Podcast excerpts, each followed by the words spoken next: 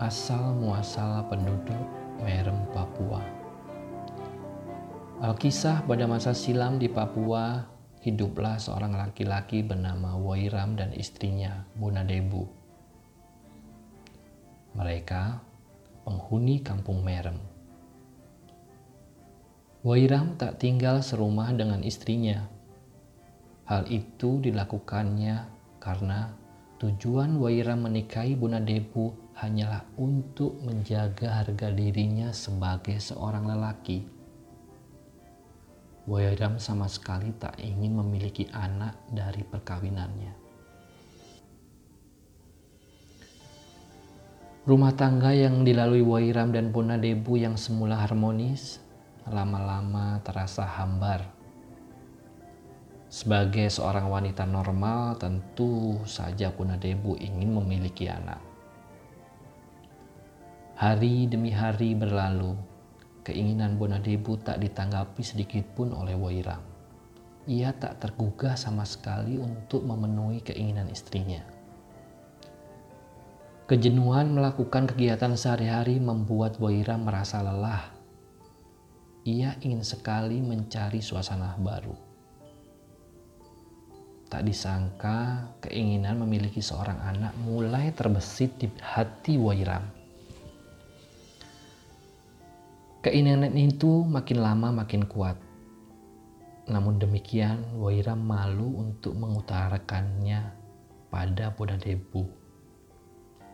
Setiap malam, ia hanya berdoa agar dewa berkenan mengabulkan keinginannya. Sehari-hari, Waira mencari nafkah dengan berburu dan berkebun. Pada suatu pagi ketika tengah membuat tali busurnya untuk memanah, jari telunjuk Wairam teriris pisau. Wairam segera memasukkan jari telunjuknya yang berdarah ke dalam air tempayan di kamarnya. Darah yang mengucur cukup deras membuat air tempayan itu akhirnya berubah warna menjadi merah. Setelah mengobati lukanya, Waira menutup tempayan itu dan bergegas meninggalkan rumah untuk menjemput Bona Depu. Mereka akan berkebun hari itu.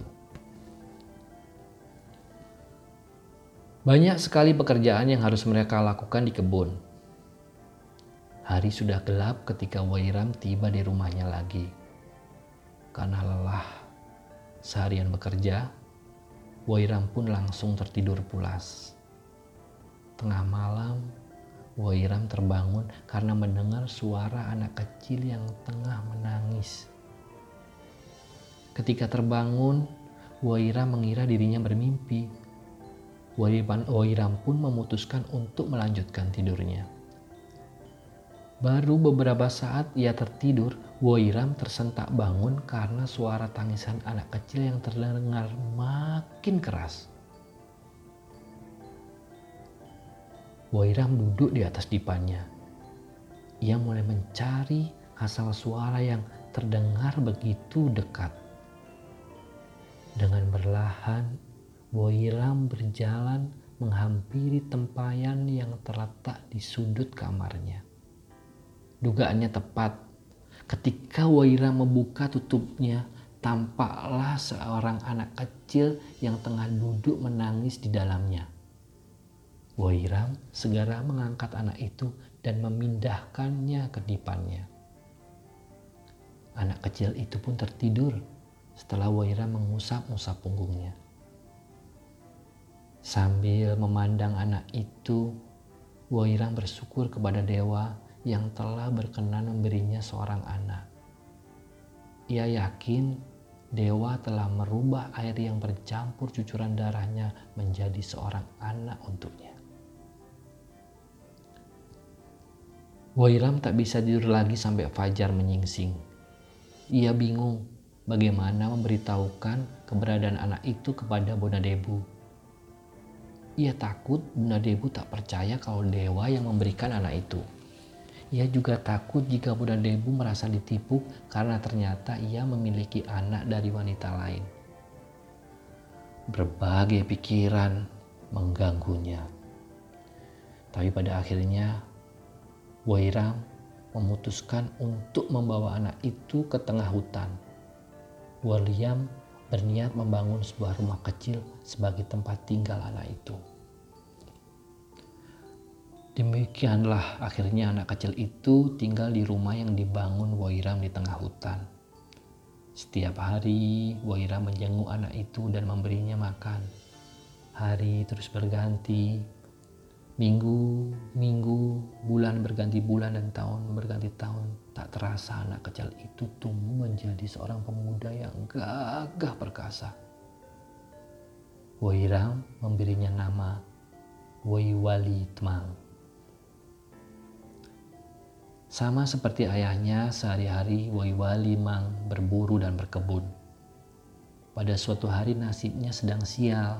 Pemuda itu tak mendapat seekor binatang pun setelah berburu sampai siang. Karena lelah, Waiwali Mang beristirahat di bawah sebuah pohon. Tak sengaja matanya menangkap seekor burung yang tengah bertengger di pohon di dekat tempatnya duduk. Waiwali Mang segera memanah burung itu. Lagi-lagi ia tak beruntung, panahnya salah sasaran.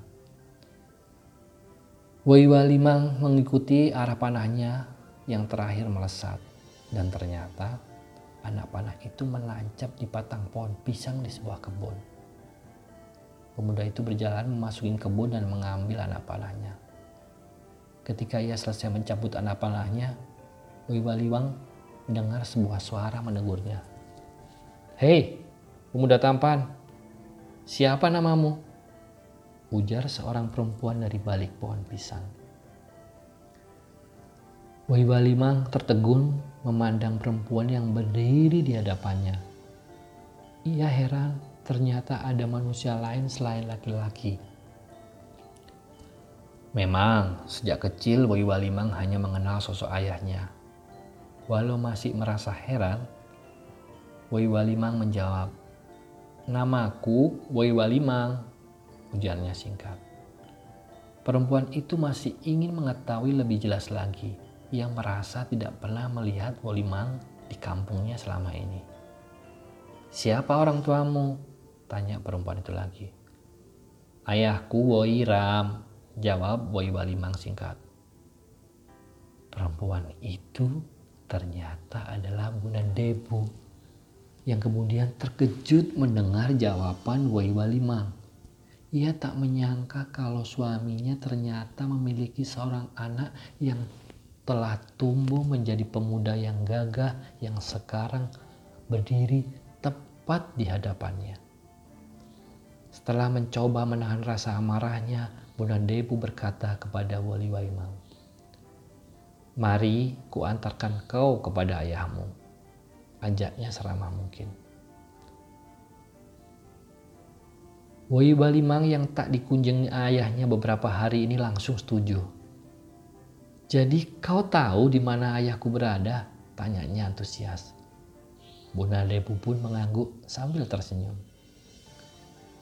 Sebelum menuju ke rumah Wairam, Bonadebu mengajak Wai Walimang mampir ke Sungai Wasi untuk menangkap udang yang akan diberikan kepada Wairam. Karena asik menangkap udang, Bonadebu tak melihat ketika Wai Walimang berjalan memasuki gua yang terletak di pinggir sungai itu. Setelah menunggu lama, Wai Walimang tak muncul-muncul juga. Debu mengira Wai Walimang telah pergi meninggalkannya. Akhirnya Debu memutuskan untuk pulang. Kepala adat tempat tinggal Debu dan Waira memiliki dua orang putri bernama Messi dan Mesam. Tak lama setelah Debu meninggalkan sungai Wasi, Messi dan Mesam mendatangi sungai itu untuk mencari udang buat ayah mereka. Ketika tengah mencari udang, Messi dan Mesam dikejutkan oleh kedatangan Wei Walimang yang kebetulan baru keluar dari gua. Wali Walimang dengan kedua putri kepala adat itu rupanya meninggalkan kesan yang mendalam. Ia jatuh cinta pada Messi. Agar punya alasan untuk bertemu Messi, Boy Walimang senantiasa mencari udang di Sungai Wasi dan membawanya ke rumah kepala adat. Kepala adat sendiri menangkap maksud Boy Walimang. Setelah beberapa kali mengantar udang, akhirnya kepala adat menanyakan maksud pemuda itu sesungguhnya. Saya ingin melamar Messi menjadi istri saya, Bapak, kata Wei Walimang dengan kepala tertunduk malu. Melihat kesungguhan Wei Walimang, kepala adat setuju untuk menikahkan putrinya dengan Wei Walimang. Pesta meriah dilangsungkan. Selain merayakan pernikahan Messi dan Wali Walimang, kepala adat juga menyerahkan jabatannya kepada Wei Walimang pada pesta itu. Seluruh penduduk Merem diundang, tak terkecuali Wairam dan Bonadebu. Wairam sungguh kaget begitu melihat sang pengantin laki-laki adalah anaknya. Bunda Depu yang telah menceritakan perihal Woili Walimang kepada penduduk membuat mereka membenci Woiram. Mereka menganggap Woiram telah mengasingkan anaknya sendiri di tengah hutan. Orang-orang itu sungguh tak tahu apa alasan sesungguhnya dan bagaimana ia memelihara Woi Walimang dengan baik. Woiram sangat kecewa mengapa kepala adat tak menanyakan perihal orang tua menantunya itu dan mengundangnya. Apalagi kini para penduduk setuju untuk menerimanya sebagai kepala adat yang baru. Waira merasa dirinya tak dihargai sama sekali. Dengan rasa kecewa yang mendalam, Wairam berdoa kepada dewa agar memberinya keadilan. Tiba-tiba Hujan turun dengan deras. Semua makanan yang terhidang dalam pesta itu berubah menjadi batu. Hujan tak jua berhenti mengakibatkan banjir besar yang menenggelamkan kampung Merem. Seluruh penduduk hanyut terbawa derasnya air. Hanya Wai Walimang, Messi, dan Wairam yang selamat dari bencana banjir itu. Mereka selamat karena memanjat pohon pinang. Setelah banjir surut, Waira mengajak Messi dan Wai Walimang ke Sungai Wasi. Ia menasihati mereka agar senantiasa memohon kepada dewa agar diberi banyak keturunan. Setelah itu, Waira menginjakkan kakinya ke atas sebuah batu besar dan tiba-tiba menghilang dari sana. Messi dan Wai Walimang mendengar kata-kata Wairam.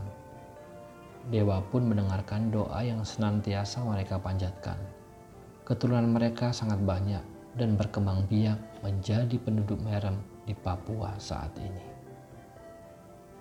Itulah kisah cerita rakyat asal muasal suku merem.